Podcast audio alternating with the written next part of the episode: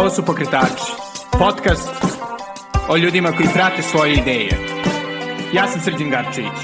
Dobrodošli. Ćao i dobrodošli u još jednu epizodu Pokretača. Danas u gostima su moji sjajni prijatelji Matije Marijan i Fran Kauzorić, koji su inače e, sjajni ljudi za razgovarati jer imaju zaista sjajne iskustva što iz sveta uh, E, posta, ali obojica su radili kao vrlo uspešni konsultanti što u Londonu, što šire, um, ali zato što su e, sjajni ljudi sa puno iskustva što što se tiče putovanja, što što se tiče e, inače života. Međutim, sada pričamo o njihovoj sjajnoj novoj firmi, uh, Turneu, E, firmi koja je uspela da u prvom e, investicijskom periodu podigne 800.000 eura i koja preti to jest obećava da e, učini putovanje lepšim i zapravo da nam dopusti da na bolji način vidimo šta sve destinacije koje posećujemo mogu da ponude.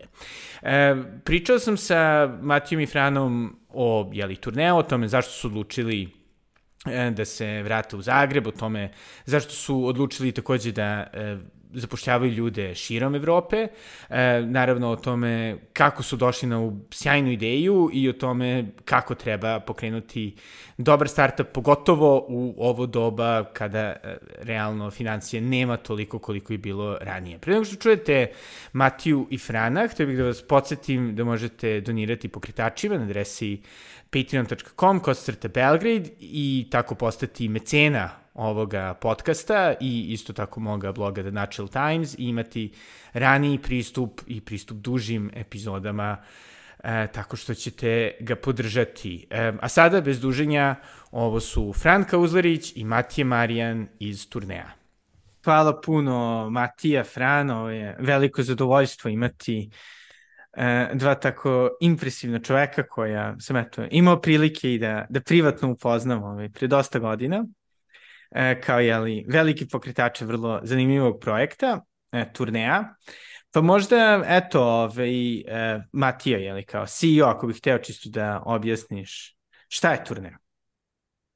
Da, evo hvala Srđe što si nas pozvao. Pratimo tvoj podcast već dugo vremena i tvoje sve aktivnosti E, od kad se vratio u Beograd, tako da nam je drago da možemo i malo popričati s tobom i podijeliti neke naše e, i šta radimo i, e, i kako radimo.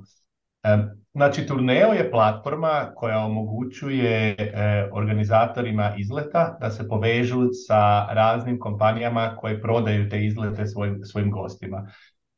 Na primjer, jako puno radimo sa hotelima E, i hoteli koriste našu platformu da bi izgradili, e, ajmo reći, stranice, e, kao e-commerce stranice, kroz koje onda nude lokalne izlete, ture i aktivnosti svojim gostima.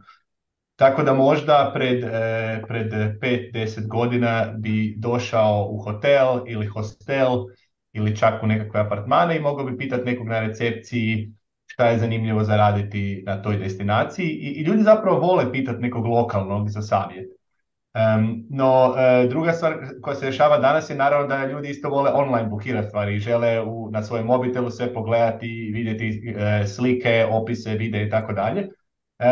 I mi zapravo pokušavamo spojiti ta dva svijeta gdje ti kao, e, ti kao gost želiš to vidjeti na svom mobitelu digitalno, ali ti omogućujemo da neko ko je lokalan, na primjer hotel, izabere šta misli da je najbolje na toj destinaciji za tebe, stavi to u jedan digitalni dućan i onda ti to predstavi na način da ti možeš bukirati eh, i da ne moraš stajati na recepti, čekati ili nazivati telefonom nekoga, pogotovo ako putaš na neku dalju destinaciju, eh, nego sve jedno radiš preko svog mobitela, ali ima taj element gdje neko lokalan te stvarno preporuči nešto eh, i mislim iz mog iskustva i vjerojatno jako puno drugih ljudi, kad preporuka dolazi od nekog lokalnog, naći će puno bolja nego da ti Google usmjerava di ideš ili nekakva velika svjetska kompanija. Ipak, ipak ono, experience i ta iskustva su nešto što je stvarno lokalno. Svaka destinacija je puno drugačija i, to je ono što mi pokušavamo zapravo napraviti mhm. kroz digitalnu platformu. I znači, ovaj, e, je li hotel ili hostel može da, da bude kao kustos tih iskustava, je li? Ne prihvataju sva koja su hipotetički ovaj, na vašoj platformi, nego mogu da kažu ovo su, ne znam, pet iskustava koje mi nudimo. Tako je, da. I tu sad može biti puno primjera. Možemo, radimo na primjer sa hotelima koji su fokusirani na e, više avanturistički turizam, pa imaju kitesurfing lessons, e, ima, e, ne znam, jahanje na konjima, mogu biti hoteli koji su više fokusirani na nekakve gurmanska iskustva, pa će imati wine tasting, olive oil tasting, možda neke posebne večere, mogu biti na nekakve niše fokusirane. Tako zapravo svaki hotel E, na našoj platformi stvori nekakvu svoju zbirku. I ona zapravo može biti različita od hotela koji je 50 metara niže. Na primjer, hostel fokusiran na mlade putnike će imati malo drugačiju selekciju od nekog hotela s pet zvijezdica. Oba dvoje su na istoj destinaciji, ali zapravo ono što njihovi gosti žele raditi e, je drugačije. I samim time hotel će ispričati drugačiju priču o toj destinaciji koja je specifična za njihove goste, targetirana za njihove goste, a opet kažem, ne nešto što je kao za sve i onda ako je za sve, najčešće je to ono par nekakvih osnovnih stvari, ali nema nekakvu dubinu, ne vodite negdje dalje od ono jedne ili dve glavne atrakcije. Da, da, i ovim možda Fran ili, ili Matija, koji god, ovaj, kako ste uopšte došli na ovu ideju, pošto je onako vrlo specifična, neko delo je, ok, već ne znam, postoje ono, Expedia, razni drugi, ove, za ture, za ovi, ljude, nekako ono, ili, ili ono, lupam, odeš u hostel i samo pitaš, ne znam, dakle, odakle imam baš ova ideja? Pa s da je Matija mene nazvao sa idejom, prepustit ću imati i, i ovo pitanje. Mm. Aha, ok, hvala. E, ja sam mislio da ćeš ti ispričati kako sam ja tebi pričao prvi put i onda, i onda da ćemo to krenuti. Zapravo, evo nije loše, nije loše. Matija me nazvao, Matija meni pića ideje već jedno deset godina koliko smo prijatelji I, ja ga nekad ono, znam, shoot down, ja sam bad cop u, u našoj poduzetničkoj igri i kažem ne, to neće ići, ne, to neće ići. A kad me ovaj puta nazvao je način na kojem je pičao ideju, ali i moje iskustvo je, mislim, putovanja prije toga, je stvarno bilo kao, ok, da, ajde, idemo dati otkaz, idemo ovo pokrenuti. U principu Matija je dugo godina radio u Expediji, u B2B odjelu i u travel industry, u turizmu postoje tri velike vertikale. Imaš letove, imaš hotele, i imaš, odnosno accommodation, i imaš taj in-destination activity segment. I ako ti srđane danas želiš osnovati svoju turističku agenciju, Srđans Travels recimo, bez problema se možeš povezati na globalne distribucijske sustave i početi prodavati letove. Znači ne moraš se ti posebno spajati sa Air Srbijom, Kroacijom, Airlines i tako, nego se spojiš na Amadeus i prodaješ letove. Isto tako ako želiš prodavati hotele, ne moraš se spajati sa svakim hotelom posebno, nego se spojiš na Expedin, recimo B2B odjel, gdje je Matija Dugobojno radio kao direktor i požiš prodavati sve hotele na svijetu otprilike. Međutim, za ovu treću najveću granu, ali zapravo najbitniju granu, razlog zašto ljudi putuju, a to su experiences ili activities u destinaciji, da bi to prodavao ne postoje platforme, ne postoje B2B servisi koji bi ti omogućili da se na nešto spojiš i da prodaješ aktivnosti. Već moraš sam individualno birati aktivnosti, nalaziti aktivnosti, potpisivati ugovor sa aktivnostima i onda ih nuditi svojim gostima. a kao što sam naveo, ljudi ne putuju zato da bi letili u tom avionu i ljudi ne putuju zato da bi spavali u tom krevetu hotelskom, već ljudi putuju za taj treći dio, ljudi putuju da bi iskusili nešto novo. I to je zapravo naša misija i vizija. Naša misija je omogućiti svakome tko želi prodavati experiences, odnosno iskustva, da to može raditi koristeći turneo. Super, super. I, ove i u kom trenutku si bio na foru, da, ok, dajem otkaz, pošto, jeli, tada si radio na briselskom aerodromu, bavio se inovacijama. Da, šta je bilo, šta je bilo ono što ti je Mati rekao što ti je baš bilo wow, je baš super super cool. Pa dobro, mislim, Matija zna da, da sam ja više sa financijske strane, pa kad mi je rekao da je tržište od milijardi dolara, to je pomoglo. Kad mi je rekao da je, da je ono velika većina prodaje tih experience se danas offline, a da, će, da se prebacuje online, to mi je definitivno pomoglo. A i ona iskustva koja sam imao i na samom aerodromu je da sve kompanije u, u turizmu zapravo traže dodatne izvore prihoda. Traže način na koji mogu proširiti Uh, svoju ponudu i zato sam bio sasvim svjestan da svi i, avionske kompanije kasnije, hoteli, svi će zapravo u nekom trenutku htjeti nuditi svojim gostima tours and experiences ili in destination activities i, i kockice su mi se nekako posložile, a i Mati je bio vrlo uvjerljiv jer je imao jako, jako puno iskustva u B2B-u, uh, u turizmu. Um, I onda je jednostavno došao trenutak da, da to napokon napravimo i da zajedno pokrenemo mhm. nešto imati kako izgledalo zapravo građenje turneja, li pored najbitnijeg dijela što je ovaj, razgovor sa Franom. Da, da, da. E, pa znaš šta, iskreno, e, stvarno ono, prošlo je praktički godinu dana i, i, i ajmo reći jedan mjesec, jedan i pol mjesec, tako da to ono, meni se čini kao da ovo već radimo jako dugo, zato što je užasno puno toga smo prošli, užasno puno faza zapravo, ono, gdje smo bili pred godinu dana mi je skoro nemjerljivo naspram tog gdje smo danas. Jel? Ta neka prva vaza je bila zapravo gdje smo Franija e, išli i samo ljude okolo ispitivali šta oni misle o eksperijencima. Jel, ono što smo znali je da je važno, ali smo istovremeno znali da, e, da još niko nije skužio dobar model kako gostima predstaviti te aktivnosti, kako dobi da oni to bukiraju E, I tu je taj nekakav ono gap postojao i znamo da je to gostima važno, znamo da je to važno brendovima turističkim, ali ti bookingsi se ne dešavaju i znali smo da tehnologija to može riješiti, ali nismo znali točno kako, tako da smo zapravo išli i stvarno pričali ono s kim god smo mogli o, o, experiencesima i samo ono šta, šta se dešava tu, šta vas muči, šta funkcionira, šta ne funkcionira. I, i, i, mi smo zapravo u početku, ono, smo mrvicu izgradili taj neki ono core dio sustava, ali nismo ni, ni previše toga napravili, e, nego smo e, i počeli smo pričati s investitorima i, i to je isto bilo jedno zanimljivo poglavlje, jer mi smo točno počeli pričati s investitorima kad je taj neki ono meltdown e, se počeo događati oko startupova. Znači, to je točno ono četvrti mjesec, april prošle godine, kad se ono počela se zatvarati pipa na financijama, ono, ljudi su nam doslovno jedan dan bili ono, this is the best thing ever, a dan nakon nam se više nisu javljali. E, tako da ono, baš, je, baš je bilo zanimljivo. E, i, e, kako se to dešavalo, zapravo smo rekli, ok, idemo, e, di vidimo nekakav prvi signal da postoji nešto. Nama su svi govorili s kojim su pričali s ono, strane e, tra, ono, brendova, nama je ovo jako zanimljivo ali nekako nam je uvijek palo nešto ono da će zagristi. Zapravo su hoteli bili prvi ti koji su počeli malo više gristi i smo vidjeli da e, njima to nije samo zanimljivo, nego zapravo i operativno im je to problematično trenutno. Znači naravno, e, ono ne postoji, ja mislim da je jako mali broj brendova turističkih koji ti reći ne želim nuditi e, aktivnosti svojim gostima i koji će ti reći ne želim imati dodatne prihode. Znači to su ono uvijek easy sell. Ali hoteli, apartmani zapravo imaju operativno s tim problema, ali ljudi prirodno dolaze sa pitanjima. E, ali ako ti svako dođe sa pitanjem i ti svakom custom daješ odgovor ili još gore, na primjer, to znamo primjere kad pričamo s hotelima, ako neko dolazi na recepciju pitati za savjete, e, za nekakva lokalna iskustva, a tamo je red za, check-in, to je ono najgora noćna mora svakog hotel menadžera. E, ili ako mora organizirati transporte sa aerodroma ili tako neke stvari. To su sve zapravo operativno vrlo kompleksne stvari.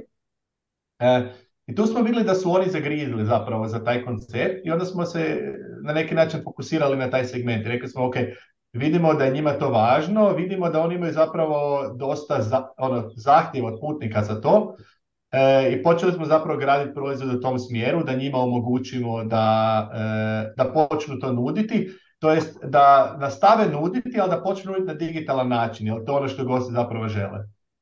Da, da, mada nemam pojma, niste imali ono problema sa ono konsjeržima koji imaju svoju neku porodicu koji treba da ono uvale turiste, da ih provozaju taksijem, to se... E, ili pa, ono, pa, mislim... pošli ih u restoran.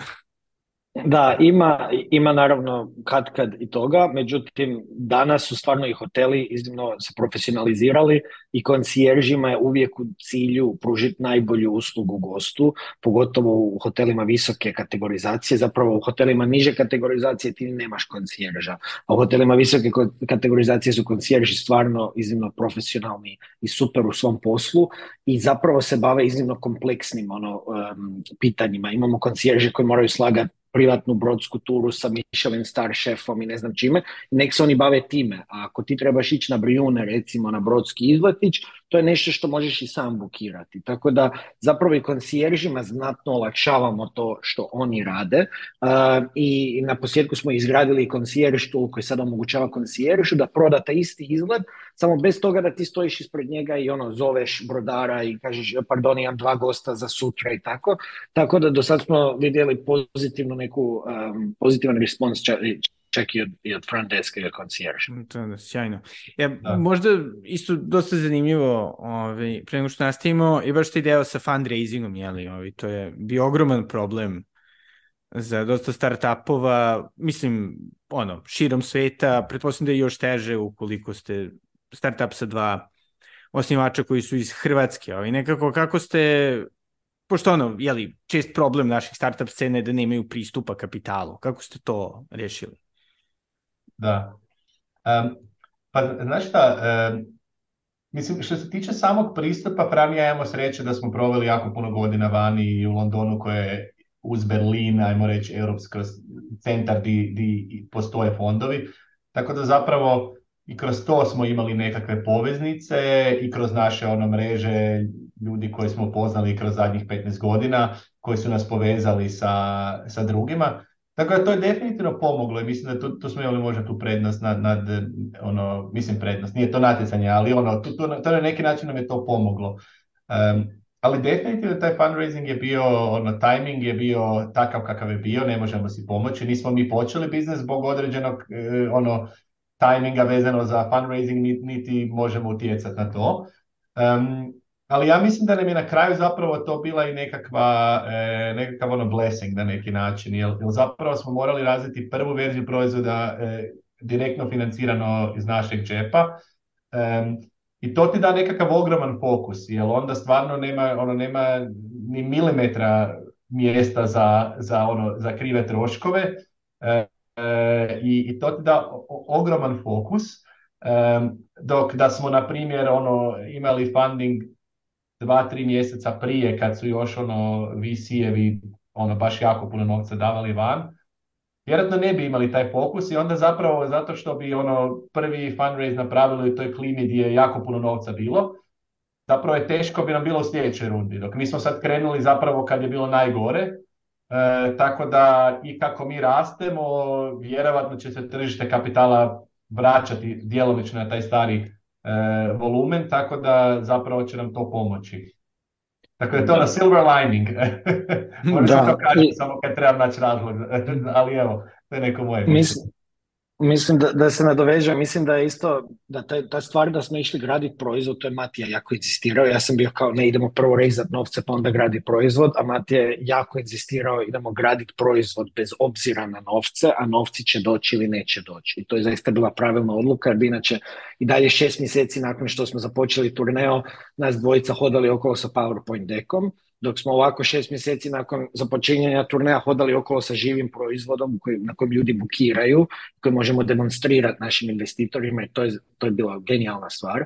Ali definitivno najteža stvar fundraisinga je to da ti zapravo hodaš okolo sa svojom idejom, zbog koje si dao otkaz na poslu i, s kojom provodiš svaku minutu cijelog svog dana i 49 od 50 ljudi ti govori ne. Znači, ono, ne, neću staviti svoje novce, ne, neću staviti svoje novce. I zapravo ti to jako, ono, poljulja confidence. Svaki dan, cijeli dan slušaš ne od nekoga, a istovremeno nastavljaš graditi to jer ti vjeruješ u to.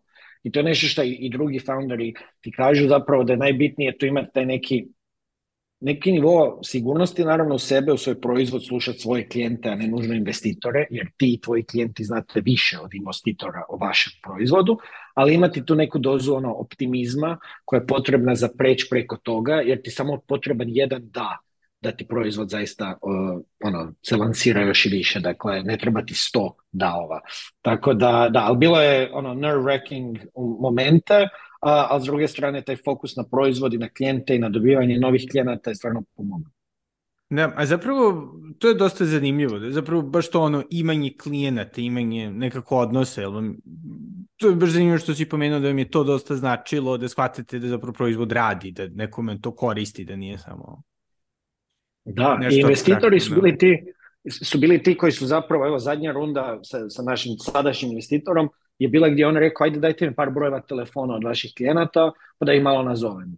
I čovjek je nazvao naše prve klijente i stvarno imao najnormalni razgovor, pa kako vam je s turneom, pa koliko vam je to bitno, pa kakva ste imali iskustva, pa znači baš je priča o tom proizvodu, jer to nije nešto što postoji u tom obliku baš, recimo svugdje. Znači nije da mi sad lanciramo uh, kompetitor Uberu ili Voltu pa da ti možeš ono već znat da to funkcionira, samo je pitanje da li je tržište dovoljno veliko.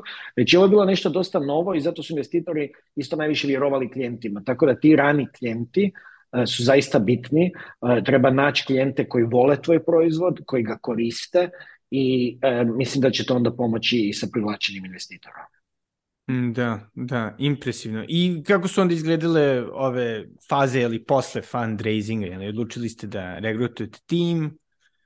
Sada kako, kako se kako podnosite tu promjenu? Ne znam, možda Matija. Da, pa Mislim, definitivno onako drugi je osjećaj nego kad smo bili samo Fran i ja ili Fran i ja i još jedan developer. malo se, mislim, ono što mene najviše veseli je da vidim da se tim počinje, ajmo reći, spajati na neki način i individualno ljudi rade kvalitetno, ali i kao grupa. Ali da, definitivno je promjena. Makar ono, mislim, i kažem, mislim i Fran i ja smo radili ono u firmama sa puno većim timovima, tako da nije da nam je to nešto novo, ali ipak ono ti kad radiš e, ajmo reći ono devet mjeseci praktički nas dvojica još jedna osoba, malo ti se onako promijeniti se način rada, jer ono doslovno odgovoran si za svaku sitnicu, ali ne da si odgovor, nego odgovoran si da i napraviš tu svaku sitnicu, jer ono nema stvarno niko drugi. E, dok sad, e, sad nas je e, sedam, zapravo osam nas je trenutno. E, ipak je malo drugačije di, di ono, postoje drugi ljudi koji mogu preuzeti stvari, a zapravo je na meni pravno sve više da, ono, da mi strukturiramo stvari na način da oni mogu kvalitetno raditi. I to je ono, to je u startupu zapravo dosta, dosta komplicirano, zato što nije nešto što je uhodeno i mi ne znamo za dva tjedna šta će točno se dogoditi, jer sve je novo, svaki dan je sve novo e, i, e, i ono, svaki neki izazov je neki novi. Znači, ono, nama dođe klijent i velika je šansa da je taj klijent dosta drugačiji od bilo kojeg prijašnjeg klijenta, zato što, e, zato što nešto novo traži. Tako da ono, moramo se prilagoditi, moramo smisliti, pa i sales tim radi drugačije i ono, product se stalno mijenja. Tako da, e, to je nešto gdje nam sajmo reći naš, naš ono posao sad promijenio kad, e, kad imamo malo veći tim, da je više na tome da damo timu što veći ono neki clarity kako pristupiti nećemo di su fokusi. Um, isto to da ono moraš prihvatiti da ne možeš sve sam riješiti e, i dati ljudima i slobode da isprobaju. I ona na neki način ono kad im daš i kad to odrade je ono liberating, znaš ono ok, sad oni sve izvršavaju, ne 100% kako bi ti napravio, ali idemo brže nego što bi išli da sve Fran napravio, da sve ja napravim, gdje bi onda vjerojatno mi bili ono 100% zadnji ili 90% zadovoljni, ali ne bi se nigdje kretali ili bi dalje funkcionirali kod je dvoje ljudi koji mora sve provjeriti za svaku osobu. I, ali, ono što je isto, Izvini, Mislim, da je, mislim da je samo je puno manje usamljeno zapravo i sve, sve ide lakše kad imaš više ljudi. Jer iako na početku nismo sami, nego smo bili dvojica, ali svejedno to, to je onak duo u kojem se zajedno možete osjećati usamljeno recimo. Dok sad imaš ljude oko sebe koji donose nove ideje, novu energiju neku i to je nešto što zaista promijeni atmosferu i stvari stvarno postanu lakše, mislim. Ono, od početka krene od jako teškoga i ide ka lakšemu, barem je tako moje osjećaj. E, a ono što je dosta zanimljivo, pogotovo sad je u kontekstu toga da dosta startupova, na primjer u Londonu, sve više i više insistira da njihovi radnici budu u kancelarijama, je to da ste vi odlučili da budete potpuno remote, je tako, izuze vas dvojice, niko nije u Zagrebu? Da, mi u Zagrebu, da, imamo dvoje ljudi eh, u Beogradu, imamo u Sofiji, u Barceloni, u Londonu, u Puli, tako da smo remote. Bitno nam je bilo da imamo da smo u sličnoj vremenskoj zoni ako možemo biti, zato jer mislim da je to dobro i za mental health i da nekako gradimo nekako tim, eh, a ne baš da smo potpuno u različitim baš vremenskim zonama, ali da, zapravo nam je bitno da ljudi rade u uvjetima u kojima mogu najbolje raditi. ako je to od doma, to je od doma, ako je to iz nekog uredića ili coworking space-a, to je u redu.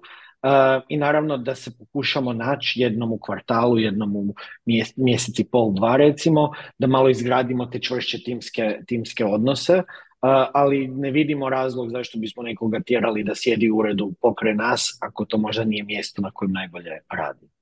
Da. Još jedna stvar koja je tu važna je da pogotovo startup koji, ajmo reći, ono, mi, mi smo znali da neće biti baziran u Londonu što se tiče ljudi i e, ono, mogu biti u Zagrebu, mogu biti negdje drugdje, ali nema nikakve šanse da ako mi pokušavamo e, da, da svi budu u uredu u Zagrebu, da imamo kvalitetu talenta koje možemo naći na europskoj razini, jer jednostavno nije realistično. Ja mislim da čak i startupovi koji su bazirani u Londonu, na neki način oni donesu odluku, to nije samo startup, i velike firme, oni donesu odluku da kažu, ok, na, mi ćemo imati pristup e, užem, e, nekoj grupi talenta, e, ali će ti ljudi biti u uredu i time dobimo neku veću produktivnost.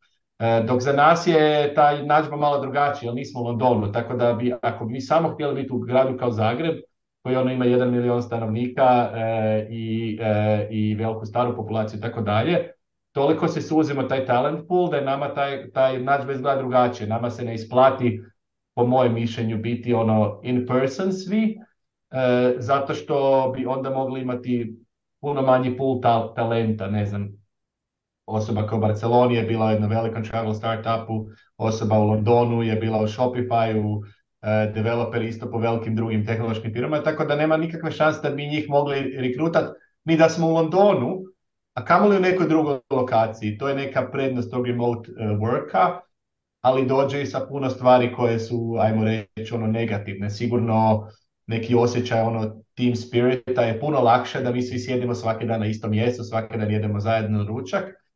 Tako da je sve nekakva po meni ono jednadžba i ti moraš gledati šta je najbolje za tebe u kojoj fazi. I zapravo za svaki tim je to potpuno drugačije, jer je početno stanje i lokacija i, i, i mreža tvoja i sve ostale drugačije. Nekako individualno moraš tome pristupiti. Mm, da, da. A, ono što je isto zanimljivo, baš sam pre par e, dana pričao sa jednim svojim dobrim prijateljem koji je isto kao i vi proveo dosta vremena u inostranstvu, u Londonu i New Yorku i ticam okolnosti se vratio u Beograd i razmišlja nekim preduzetičkim stvarima. Jedna stvar je rekao kao da, dobro je super za život, ali kao fali taj neka, ta neka doza ambicije i toga puša koji možda je osjećan na drugim mestima. E, sa čim se ja polu slažem, samo što sam lenj, pa onda volim da se na to vadim. Ali ovaj, kako je vama izgledalo, izgledalo to vraćanje u Zagreb, jeli? Ti si, friend, bio u, u Briselu, Mati, ti si bio u Amsterdamu, ili tako? Prije toga Vojicu u Londonu. Da, izvini. da, da. Da, pa prvo ja bih E, ja bi samo uletio da se ne slažem s tvojim prijateljem, da ne mislim da fali ambicije na našim prostorima, mislim da ambicije ima, mislim da kad kad fali vjere i optimizma i to ne uvijek bez razloga, kao što si sam rekao kad kad pristup kapitalu nije toliko velik kao recimo nekim drugim tržištima u Europi gdje su ljudi vide frenda koji je rezao milion dolara runde ono stvarno kao bez ikakvog problema i pomisli pa to mogu i ja.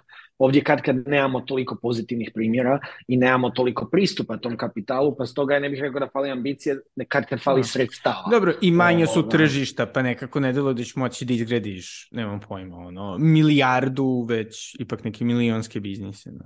Tako je, tako je. A znamo da svi bi uglavnom traže milijardu. Naravno, Ako nisi tamo, nisi nigdje, od prilike. Tako da da. Ali mislim, meni je povratak bio Um, pa zašto ću reći, mrvicu je teži nego što sam mislio da će biti, samo je ostala seljenja po svijetu su bila kao joj super idem vidjeti kako je sad živjeti u Hong Kongu ili kako je sad živjeti u Amsterdamu ili u Briselu. u Zagreb se vratiti je meni teško zato jer jako, jako, jako volim Zagreb i onda kad vidim nešto što mi nije recimo što mi ne paše, nešto u gradu što, što ne valja, bio to promet ili fasada ili smeće nešto, ili što god da bilo, se jako uzrujam oko toga i ne mogu se odvojiti. Dok kad si negdje drugdje si pomisliš pa tu sam par godina, tu ću malo živjeti, i, ne, nije to moj grad. Dok se za Zagreb osjećam kao da je moj grad, pa mi zato neke stvari teže padaju, ali učim se pomalo opustiti te stvari i uvidjeti pozitivne strane, prijatelje, obitelje, po vrijeme, um, da, divan grad, tako da se pokušavam se fokusirati više na to. Da, kako tebi Matija bivši jeli, imaš ove, i dečicu i ono, cijelu porodicu. Da, da. Inače, Fran trenutno se bavi turnejom, ali zapravo e, jednog dana budući gradonačelnik grada Zagreba gdje će sve to popraviti. Tako da ovo je neslužbeno najavio. Eh, Kandidaturu, da, super. Da, da podržavamo. ne šans. E, znaš šta, meni iskreno, ja sam nekako i dalje, kod da sam u nekakvom ono, e, polu e, ne, ne znam kako bi definirao, ja imam osjećaj da ne živim još u Zagrebu onako potpuno. E, šta po tim mislim je da e, pod jedan velik broj prijatelja mi dalje svugdje po svijetu, ili, u, Londonu, ali i drugdje, tako da ono, ja s njima pričam kao što sam pričao i prije. E, uz to e, dvoje djece plus svoj startup, ono, stvarno nemam vremena e, živjeti ono, mhm. bilo gdje, a tako i u Zagrebu, tako da ono nekako E, imam osjećaj da, da, da bi stvarno mogao biti bilo gdje u svijetu i da bi mi ono dan izgledao poprilično slično, a vikend onda možeš opet otići gdje god oćeš, mislim naravno ne mogu otići ne znam u Južnu Ameriku, ali ono mogu bi otići po Europi bilo gdje ili mogu otići i po Hrvatskoj i po regiji koja je prekrasna ovako i onako. E, tako da ono, sa, sa malom djecom i startupom, ne znam, negdje sam i dalje, ne mogu reći da sam se osjećao kao da stvarno živim u Zagrebu na ono, full time, nego radim, e, djecom sam i onda povremeno iskusim grad. E, I meni je to ok, meni je ok, mislim, ne znam, možda, možda bi me smetalo manje ili više da imam više vremena, ne znam, ali nemam, pa ovako, ovo, trenutno sam zadovoljan zapravo. Da, da. I ono što mi je isto zanimljivo i jedna stvar koju delim sa vama, to je i to iskustvo rada u konsultingu.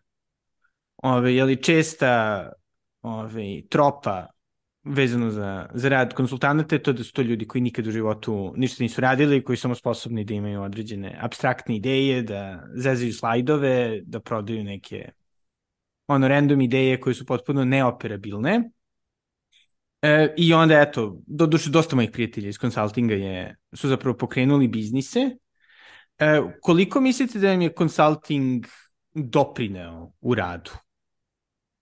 Eto, možda ne primjer. ja bi, ja bi krenuo sa, ja jako volim tvoje poglede na konzulting i na naše bivše živote. Srđane, um, ja bih rekao da nešto što mi najljepše i najviše pomaže iz tog vremena su dvije stvari. Prvo je um, problem solving. Znači ono kad dobiješ neki zadatak koji u životu nisi napravio ništa takvog, ali ga sad moraš riješiti. E sad kad te klijenti u konzultingu plaćaju velike novce za to, možemo debatirati o tome da li je to filozofski dobro ili nije, ali sada u startupu sve, ovo što je Mati rekao, sve moraš sam raditi. Znači od ono incorporationa do lawyersa, do accountantsa, do milion sitnica koje nisi ni pomislio da ono moraš raditi i ono Google je tvoj prijatelj naravno i iz Googlaš nađeš rješenje probaš, napraviš i to je zapravo što vučem nekako iz konzultinga kao prvu stvar, to je problem solving. A druga stvar je to neki odnos sa klijentima i zaista imate tu neku strukturu sa klijentom gdje si i ono osoban i normalan kao čovjek, ali i strukturiran i tretiraš poštovanjem i kao, kao paying customer. Te dvije stvari su mi jako, jako pomogle iz konzultinga. A ono što mi odmaže je ta činjenica da mi fale dani kad bi napisao slajd i onda rekao, ajde nek neko drugi ode i ovo napravi. Dok sad moram napisati slajd onda moram sam to ići raditi. Tako da ono, uh, pros and cons. A opet, dobro Martije, ti si... Ja napišem slajd, Fran, možda i možeš napraviti. da, da. Sjajno. E. A, ovaj, ali koliko im isto značilo i to što ste ipak pre pokretanja ove firme ipak radili u većim sistemima, jeli, Tifran na aerodromu, e, Matija u Expediji. Pa znaš šta, meni je zapravo da, da se vratim na consulting temu, e, iako vidim da je bio leading question, ali dobro, ali smo ti ga rastavili.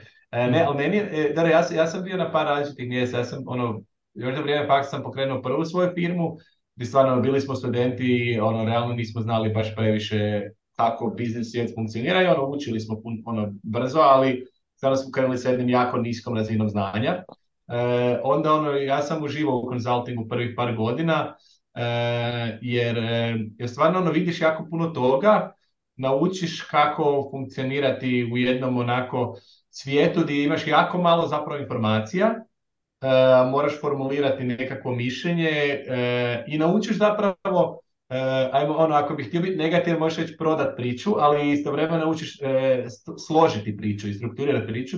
Ja mislim da taj storytelling je zapravo jako, jako, jako važan skill, jer e, postoje toliko puno dobrih ideja uh, i startupovskih i unutar firmi i u politici i svugdje, i zapravo, ako nema dobru priču kako je to sve posloženo, zapravo propadne ili dobi neki following. Tako da, ja mislim ako Zaltog taj storytelling se jako dobro nauči, to ja mislim pomaže ono kao skill. Um, a pa meni je bilo zanimljivo uh, kad sam došao u Expediju uh, e, nakon konzultinga, uh, e, bilo mi je fascinantno dve stvari.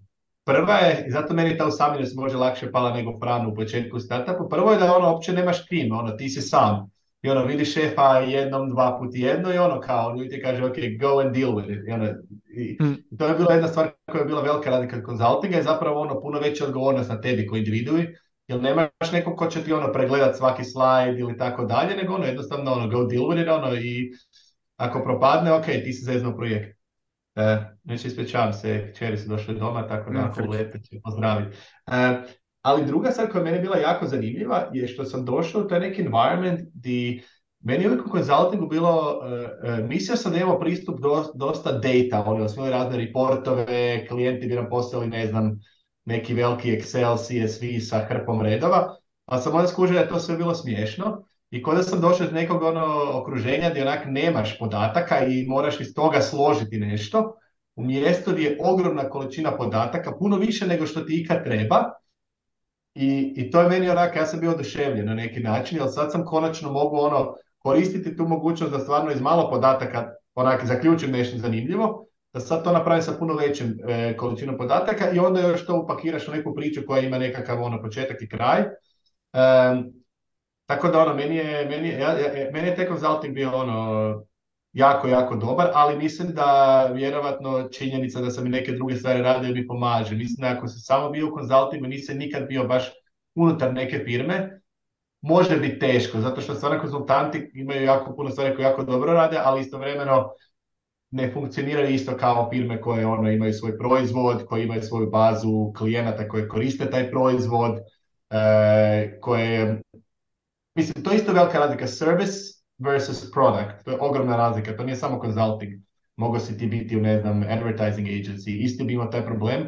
E, tako da mislim da je super kad ispustiš obje strane, ali me, ono, naučiš iz, obje, iz oba mjesta.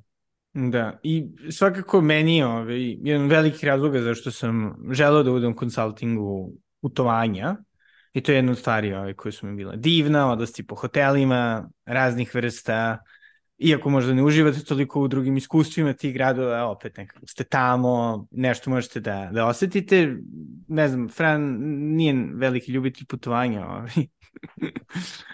E, šalim se, naravno, da. Ovaj, Matija, isto i ti. A ovaj, koliko vam je zapravo padljenje da kažem, nekom sferom za koju, pretpostavljam da inače imate inklinacije, značilo, u smislu da volite i sami da putujete, da probate stvari, radite stvari? Pa meni je najviše, ja stvarno, putovanja su mi centralni dio života, malo to ne zadnjih 15 godina i obožavam putovati, osjećam se kod doma kad, kad putujem. Um, I ono što je najljepše kod bavljenja nečim što ti je velika strast također, je što znaš kako stvari funkcioniraju u tom sustavu sa strane krajnjeg korisnika, koji na kraju dana onaj koji plaća račun. Jel? Iako smo mi B2B platforma, putnici su ti koji bukiraju iskustvo i zbog kojih sve to radimo. I to iskustvo putnika onda je iznimno bitno, jer kad se sjetim svih svojih putovanja, ne sjećam se gdje sam točno spavao uvijek, ne sjećam se točno kojim sam avionom letio, već se uvijek sjećam tih prekrasnih iskustava i najviše od svega se sjetim kako, kad neko te pita kako si saznao za to. I onda se sjetim gdje sam i kako saznao za određena iskustva.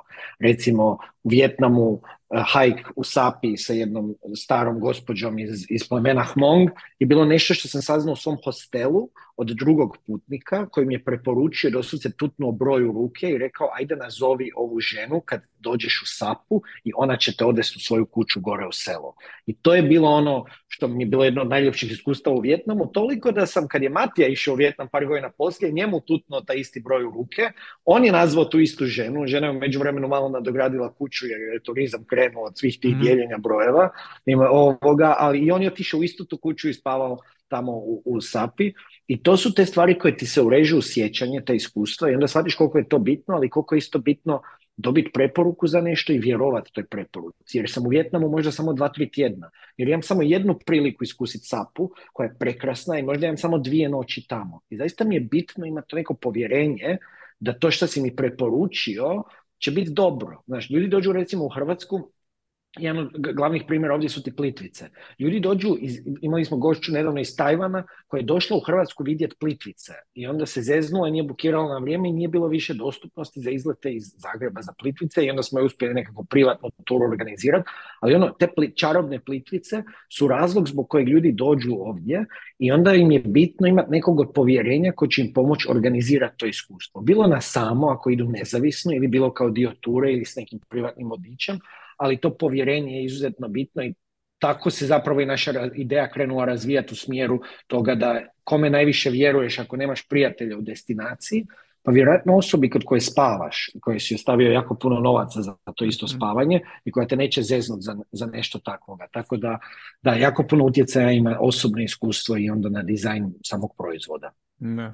A ste razmišljali možda da ovaj, ubacite u taj, um, mislim u turneo, isto opciju da ga da prodaju recimo influenceri određene ture, da bude lupom sada, da gradist, ono, ne, je, to, je to Fran ono plentao question kao? ne, ono, always be closing, tako da ABC odmah ćemo sad prodat Matija Srđanu jedan dućan da si napravi, evo tijekom poziva ćemo ga onboardat. Apsolutno je, e, znači trenutno radimo s hotelima jer je naj, logičnije zarolati jednu destinaciju, pa drugu destinaciju, pa treću destinaciju. Međutim, s vremenom apsolutno ćemo moći zarolati, recimo, ne znam, airlines koji će onda letjeti na sve te destinacije i moći prodavati iskustva, ali isto tako da, apsolutno influenceri koji odrade perfektno, recimo, iskustvo wine tastinga u Istri i snime, snime ga, podijele ga sa ljudima koji vjeruju tom influenceru, recimo Srđanu Garčeviću, i onda im ti zapravo odmah možeš ponuditi opciju da to i bukiraju. Dakle, ono, zašto bi onda gost išao tražiti gdje da može bukirati tu istu vinariju, kada ju je vidio kod tebe i može kliknuti book. Tako da, apsolutno nam je u planu u budućnosti e, to nuditi i odnosno kao reseller koncept, znači ljudi koji prodaju tu reaktivnosti, imati i, i influencere e, koji putuju. Sjajno. I kako inače izgleda sada ekspanzija? gdje vidite turneo za, za pet godina? pet godina, uf, to je teško. To je teško Dobro, je za godinu dana, ok. Da, pa ne ovako, gle, mi, mi, mislim, mi smo, još uvijek smo mi u dosta ranoj fazi razvoja, di e, stvarno idemo na tržište koje je naviklo raditi nešto na određen način, znači kroz koncijerže, manualno, e, i mi zapravo nudimo digitalno rješenje koje mislimo da gosti više vole, operativno je puno jednostavnije, ali zapravo isto zahtijeva edukaciju e, klijenata da, da, da shvate kako to funkcionira, zato što nije nešto što su prije radili. Vidjeli su neke slične stvari možda u drugim dijelovima, ali ne nužno direktno.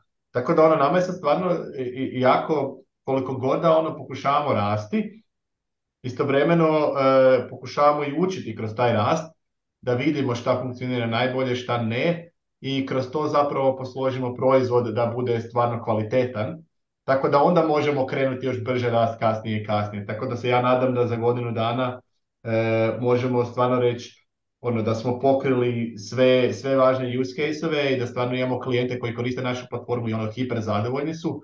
E, I za sad to imamo, ali ono trebamo ih imati više i da onda možemo sa nekakvom ono baš velikom sigurnošću reći ok, sad stvarno možemo ići ono baš veliku ekspanziju. Dok ipak sad Ćao, Gosti. E, ne, dok ipak sad ono moramo biti e, djelomično odmjereni. Jedan od velikih rizika za startupove je da se ono zapravo pokušaju napraviti previše toga i onda, i onda se ono razvodni i nisu nigdje zapravo ničem dobri. I to je nešto što pravim ja stalno moramo i sebe podsjećati i naše ljude da za pet godina možemo raditi sa influencerima i sa hotelima, sa aviokompanijama i sa još krpu drugih raznih brendova, ali idemo sad se fokusirati na dio gdje vidimo najveći taj neki market pool, gdje možemo, gdje zapravo već sada imamo nešto što je ono bolje nego konkurencija, ali možemo stvarno i za goste napraviti nešto što je puno bolje nego bilo koja druga opcija da oni bukiraju. tako ono ima taj fokus, i onda kroz taj fokus onda širiti na druge stvari, a ne odjednom pokušati za sve biti sve. Da, da, da, da. A geografski trenutno ste u Hrvatskoj? Trenutno smo ti od, Zagreba do Zanzibara. Da. Uh, ajde Matija, ti, ti slobodno. Pa ne, Ja samo to htio reći. Velik fokus nam je u Hrvatskoj eh, zato što Hrvatska je jedna od najvećih turističkih eh, ono, destinacija u Europi, tako da bi bilo pomalo suludo da nismo to počeli s fokusom. Ali imamo i druge po Europi, imamo u Češkoj klijente, E, I da, imamo na Zanzibaru, imamo razgovore sa hotelskim kućama i drugdje, tako da ono, i, i, opet kažem, i odmjereno i ne želimo biti za dva mjeseca u 100 destinacija, jer to jednostavno znamo da onda neće biti kvalitetno. ali da, Hrvatska, Zanzibar, Češka su trenutno tržište na kojima imamo aktivne klijente. Da, fascinantno, fascinantno. I kako izgleda to? Ove, ovaj, mislim, radi ipak sa ljudima širom sveta. Pa po meni, mislim, taj, taj sales proces je jako zanimljiv u, u, u tome, zato jer ulaziš u sferu gdje ne poznaješ osobu kad kad e, i pokušavaš joj ponuditi, od, objasniti nešto novo, nešto što možda nije vidjela do sad, nešto što nije, s čim se nije susrela. E, ja, sam, ja sam zadužen za sales i moram priznati da, da nije lako, zato jer moraš isprobati apsolutno sve različite avenije, od ljudi koje poznaješ e, do ljudi koje ne poznaješ, do cold callinga, do cold contactinga, do toga da sam u Pragu znao hodat od hotela do hotela i predstavljati se i, i pokušavati ono, uspostaviti kontakt. Ali to je jako bitno jer se vidi onda što ljudi, na, što reagiraju. Mislim da je taj, to se u startup svijetu zove taj founder-led sales approach, jako bitan, gdje nije da samo zaposliš nekog super ko radi sales i kažeš mu evo idi i prodaj, već ti kao founder ideš i prodaješ i automatski dobivaš taj cijeli feedback, ne samo o proizvodu, već i o sales procesu i automatski to ubacuješ nazad u, u matičnu stanicu, ajmo to tako nazvat. Tako da je, da je teško, ali jako, jako bitno, mislim, za startup, da, da founder bude taj koji ide i prodaje i da ne razmišlja nužno o tome koliko to vremena traje ili koliko košta, već da se zaista onda fokusira na potrebe klijenata i vidi što zapravo njima, njima treba i, i prilagodi proizvod tome. Da. A pošto je sales zapravo jedan od skillova koji ljudi smatruju najtežim da razviju, jel, mislim, kako si ga razvijao, jel si koristio neke ono, treninge, resurse? Meni je sales jedan od starih šefova, odnosno prošlih šefova eh, i mentor danas, Gids mi je dao najbolji savjet ikad oko salesa, Eh, gdje mi je rekao da je sales eh, samo zanimljivi razgovor. Znači, nemoj to gledati kao sales, gledaj to kao interesting conversation. Eh, I sales proces, a najčešće se sastoji nekoliko razgovora, je samo serija zanimljivih razgovora gdje pričate, gdje slušaš puno i pokušavaš shvatiti što drugu osobu smeta ili muči ili s čime se bori i gdje gledaš da li tvoje rješenje koje imaš može riješiti nešto od toga. I sad naravno da u dane realnosti postoje problemi poput nemam baš puno vremena, imam samo 30 minuta sa potencijalnim klijentom ili tako. Međutim, ta filozofija gdje je sales serija zanimljivih razgovora, meni osobno pomogne zaista onda biti gledat to kao razgovor, a ne kao ja ti sad moram taj pitch deck ono, niz grlo da, da ga progutaš i shvatiš. Tako da, da, serija zanimljivih razgovora. Mm, da, sjajno. I koliko ste integrisani uopšte, ono da kažem, širi ekosistem startupova u Zagrebu, ili postoje svetski poznati imena, poput jeli, Rimca, onda naravno tu je Cogito Coffee, koji su dobro malo drugačiji, ali koje sam isto jeli, intervjuisao pokretačima, puno pozdrava njima. Ove, koli, mislim, je da baš ima raznolikih stvari koje izdešavaju u Zagrebu. Ja sam, ja sam dobro integriran sa Kogito Kopijem zato što kroz mene teče e, mhm. svaki dan njihova kava. Tako da to je jedna ono complete integration, a pustit ću prana za ostatak da, da, da kaže. Pa, pa da, mislim, E, ja iskreno, Matija voli raditi, mislim, više od doma, od mene, jer je fokusiran i, ima ograničeno vrijeme, s obzirom da još ima i dvoje djece koje mu ovako lete u jednom trenutku i zna da mora obaviti što, mora obaviti. Ja kad, kad ako se borim s motivacijom, onda idem raditi u coworking space, i u Vespu koja je jako, jako super prostor gdje ima jako zanimljivih ljudi koje upoznajem i drugih startupova. E, ja sam se nešto malo družio i po, po startup eventima i upoznao neke od naših foundersa danas koji su zaista jako zanimljivi od Alberta Gajšaka i njegovih cool circuit mess igračkica do Vedrana Cindrića i Trebola uh, koji rade čudesa i koji dobivaju jako puno medijske pažnje. Još Rimca nisam upoznao ovoga, ali da, mislim da je startup scena u Zagrebu zapravo je dosta mala i kompaktna i da se ljudi, ono, ako odeš na dva, tri eventa, prilike ćeš vidjeti slične ljude um, i što je super, meni osobno najviše pomaže pričati sa co-founderima koji su godinu ispred mene. To je kao da pričaš s nekim koji je razred iznad tebe u školi ili koji je prošle godine upisao faks. I zapravo ti puno govori o tome kao, ok, sad ti je to teško, ali ne brini, kad pređeš tu stepenicu ili taj nivo, ovo će ti postati lakše. Ili i meni je to bilo teško pa sam napravio ovo. I, i tu mi je super slušati od nekih od tih kolega, ajmo to tako reći, i ne samo u Zagrebu, već i, i kao što je Matija rekao, frendovi po svijetu koje smo upoznali i koji su započeli svoje firme. Mene to najviše najčešće smiruje i to mi je kao neka psihoterapija uh, na poslovnoj strani gdje, gdje vidim da, ha ok, nisam ja jedini koji ovo trenutno osjeća, netko ko je to već prošao mi govori da je to ok i da, i da je prešao tu, tu prepreku. Da, i ovaj, kako se približamo jeli, kraju, ovoga našeg znači, divnog razgovora, moram samo da setim ovaj Franakovi, ali znam još iz debatnih dana, i kako jednom priča o tome kako je njegov san ovaj, da bude vlasnik preduzeće i da ima ovaj, štabilj i da lupa to štabilj ovaj, negde i da mu je to zapravo ambicija. kako, kako postići taj san, kako biti preduzetnik, ako, imaš, ovaj, ako imate jedan i drugi, ove, ovaj, jedan i dva saveta za ljude koji žele nešto da pokrenu? Mati, ajde ti prvi. da, pa to je teško, teško je pitanje. Um, a ne znam bi sad pametno rekao, iskreno. E, mislim, savjet, ono, ajmo reći, ono, da nije kliše, ali opet, ono, ako imaš nešto što želiš napraviti, ono, go do it, to je jedan od savjeta. Znači, uvijek postoji razlog zašto nešto ne pokrenuti, e, ali e, i, i ono, tisuću pitanja imaš prije nego što pokreneš nešto i kad pokreneš imaš još dodatnih tisuću pitanja, zapravo svaki dan odgovoriš na jedno, a dva nova se otvore, tako da, ono, ako, ako si spreman, ako te nešto zanima, najbolje krenuti sad. ali jedino, ajmo reći, ono neka kontra tome, ali to je neko iz mojeg osobnog iskustva, e, ja mislim da je jako, jako dobro ono, steći neko iskustvo radno prije nego što kreneš samo svoj posao. E, Naravno, ako imaš nekakvu genijalnu ideju i, i, i, ne samo ideju, nego napraviš nešto i ono odlično s klijentima krene, onda ono sa 18 godina kreni. A zapravo, e, kad, ipak kad provedeš neko vrijeme radeći za druge ljude, e, stekneš jako puno nekakvih ono skills koje inače ne bi sam nikad, e, nikad dobio. E, I po meni, znaš, ono, ljudi su danas ono, mogu raditi do 60-ih, 70-ih godina, ne moraš sa 20 godina imati svoju firmu i biti do 25. ono multi millionaire, billionaire. Čisto ok je provesti 10-15 godina istražujući stvari, učeći, skupljajući mrežu ljudi i network, ono, mentor i tako dalje i onda sa 35 ili 40 krenete nešto svoje, kad nemaš puno više iskustva.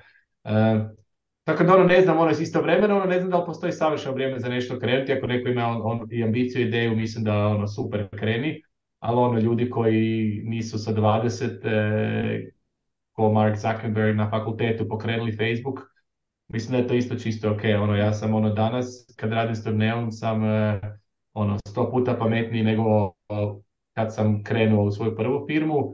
Iako možda nemam toliko vremena, ja sam tad mogu raditi all night, tri noći za redom i uopće nema problema. Sad ni fizički mogu, niti ono imam vremena ali ono to nekako nadoknadiš nekim iskustvom i znanjem i poznanstvima koje ti pomogli biti puno, puno produktivniji. E, tako da ne znam, svako je put drugačiji, ali ono ima, ima ono, opet, opet, ne znam, da se vrati na matematiku, opet je neka jednadžba, moraš vidjeti ono, di, di dobiješ taj iz nekih iskustava i ono krenut kad si skupio i dovoljno iskustva, a imaš nekakvu priliku koja te i osobno motivira i misliš da financijski ima smisla e, i tako dalje. A što je tebi konkretno bio okidač? pa gle, meni iskreno, ja dolazim iz poduzetničke obitelji, tako da sam ja ono cijeli život gledao i uspjehe i, i neuspjehe, tako da sam ono već ono cijepljen na to. I ono, kažem, ja kad sam svoju prvu firmu pokrenula sa, e, za vrijeme faksa, ono, meni je to bilo super iskustvo i bio sam ono, jako sretan s time, ali nismo mogli to izgurati na način koji smo htjeli. Ali ono, kad sam onda krenuo konzulting, eh, malte ne od ono prvog dana konzultinga sam ono eh, počeo razmišljati koji mi je novi neki startup. Ali jednostavno ono kroz tih zadnjih 10, ne znam, 12 godina stalno mi se na poslu i, i ono u konzultingu i onda je Expedia dešavalo nešto zanimljivo jednostavno nije bilo, nije bilo neke potrebe, ali samo sam razmišljao pa gledao pa vagao. Um, mislim da mi triger trigger neki bio to što sam shvatio da je ova prilika ogromna e, shvatio sam da je nešto što mene ono jako zanima, jer ono, znao sam ove segmente, znao sam da uživam u tome i u putovanjima i turizmu, ali i u tehnološkoj strani toga. E, istovremeno sam nekako vidio da sam ono skupio dovoljno iskustva gdje onako, ono, ko da sam ono, ima sam oči da ću znati šta radim. Da ne, ne, znaš, ne, ne da ću imati odgovor na svako pitanje, ali da sam ono dovoljno toga vidio da, da zapravo mogu brzo doći do nekih odgovora, da ima mrežu ljudi koji mi mogu pomoći doći do odgovora. tako da nekako ono, ko da sam vidio da kad sve zbrojiš i oduzmeš je sad ispravan trenutak. I imao sam ideju i prilika na tržištu i znanje i tako da evo, to je meni bio trigger, taj neki ono, više osjećaj bio na kraju ono da je, da je sad pravo vrijeme za to. Um, ali da, puno faktora uđe u tu neku jednadžbu svega. Da. Fran, što se tebe tiče, koji, koje savete ovaj, bi dao ljudima koji razmišljaju da se ubacaju u startupove? Pa ja jedan savjet koji može malo biti kontroverzan, zato jer može spriječiti ljude da se pokrenu, ali, ali ne nužno. Pa to je isto dobro ponekad, da. da, nađite to je dobro... za podcast pokretači, ovo kriva se ali ne, ali mislim, kad kažem što će biti jasnije, ali nađite si dobrog co-foundera, to bi bio moj savjet e, i zašto? Zato jer zaista i, gledam jako malo tvrtki je baš osnovano sa ono solo, solo single founderom postalo jako, jako uspješno. Ima ih Revolut, pa čak i Facebook i tako. Međutim, najčešće je to bio mali tim ljudi, dvoje, troje e, ljudi. I sad, zašto je to možda loš savjet? i zato jer onda ljudi govore stalno, ma ja bi nešto pokrenuo, ali nemam s kim.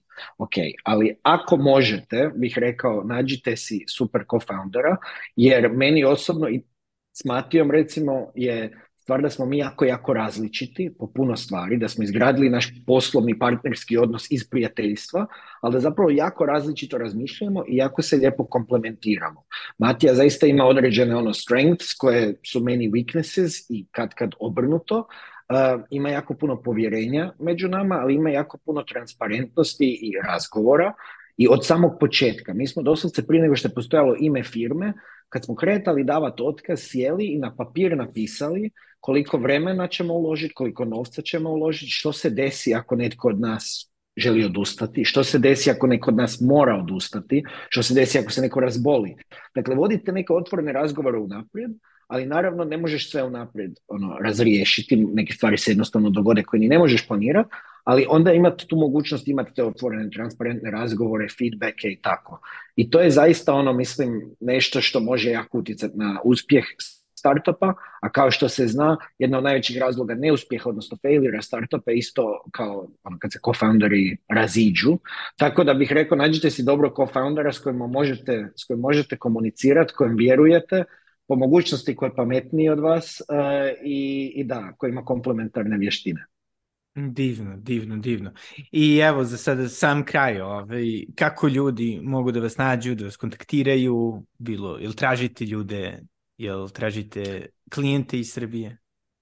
Klijente uvijek tražimo. Moment to shine, ajde. Da, moj moment to shine. Dakle, upravo smo zatvorili naš hiring, eh, zato jer smo u principu hirali tim koji, koji nam sad, za sada treba, ali ćemo rast, tako da uvijek možemo ostvariti lijep kontakt ako je neko zainteresiran za posao ali e, sa, sa strane klijenata e, uvijek smo otvoreni za razgovore sa hotelima, hotelskim lancima i hotelskim kućama. Trenutna ekspanzija u Srbiju nije, nije e, planirana za sljedećih 6 do 12 mjeseci. Kad dođe vrijeme definitivno ćemo razglasiti to. Međutim, ako ljudi imaju kontakte u hotelskom svijetu, ako ljudi imaju, ako ljudi rade u hotelskom svijetu, jako, jako rado bismo porazgovarali. U Hrvatskoj smo jako prisutni i jako se širimo, tako da apsolutno primamo nove klijente u područjima gdje jesmo, bili oni upravitelji apartmana sa 20, 30 ili više apartmana, bili oni nezavisni hoteli ili hotelski lanci. E, na našem setu postoji e, formular za kontakt i, i da, e, vrlo rado ćemo ostvariti i, i ta poznanstva. Super, super. Hvala puno. Li ima nešto za kraj što biste htjeli da kažete, završite?